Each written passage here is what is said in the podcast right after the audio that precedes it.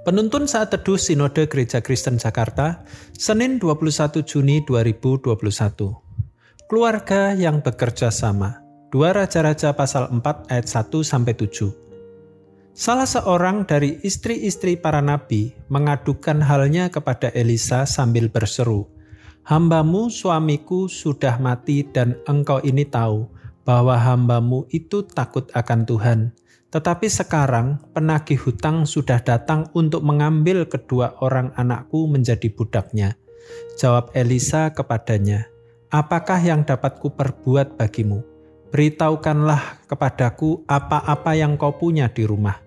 Berkatalah perempuan itu, hambamu ini tidak punya sesuatu apa pun di rumah, kecuali sebuah buli-buli berisi minyak. Lalu berkatalah Elisa, Pergilah, mintalah bejana-bejana dari luar daripada segala tetanggamu, bejana-bejana kosong, tetapi jangan terlalu sedikit. Kemudian masuklah, tutuplah pintu sesudah engkau dan anak-anakmu masuk, lalu tuanglah minyak itu ke dalam segala bejana. Mana yang penuh, angkatlah.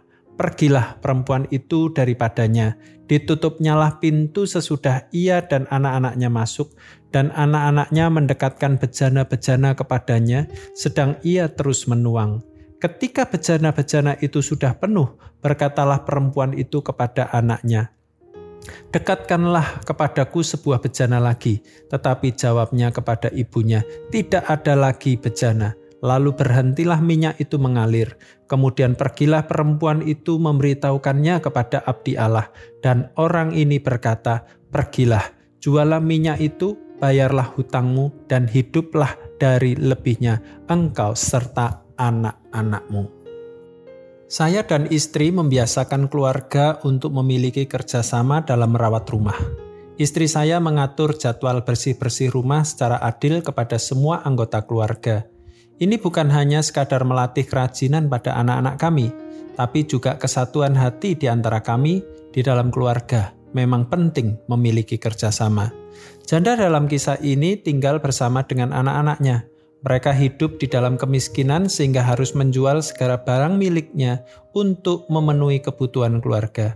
Sekalipun demikian, hidup mereka saling bergantung dengan yang lain. Ketika janda mengadukan masalahnya kepada Nabi Elisa, ia mendapat pertolongan darinya. Semua buli-buli kosong terisi penuh dengan minyak. Bahkan mereka perlu meminjam buli-buli kosong milik tetangga untuk diisi dengan minyak yang keluar tidak habis-habisnya. Anak-anaknya menolong ibunya untuk memindahkan minyak itu dari satu buli-buli ke buli-buli kosong lainnya. Anak-anaknya tidak malas untuk membantu ibunya. Pada zaman ini kita perlu belajar seperti keluarga janda ini yang hidupnya takut akan Allah. Hal ini membuat anak-anak menjadi orang yang taat kepada orang tua, tidak malas dan saling menolong. Allah memberkati keluarga yang bersatu dan saling menolong satu dengan yang lainnya. Kesatuan dalam kerjasama harus dimulai dari kehidupan kita secara pribadi. Tuhan Yesus memberkati.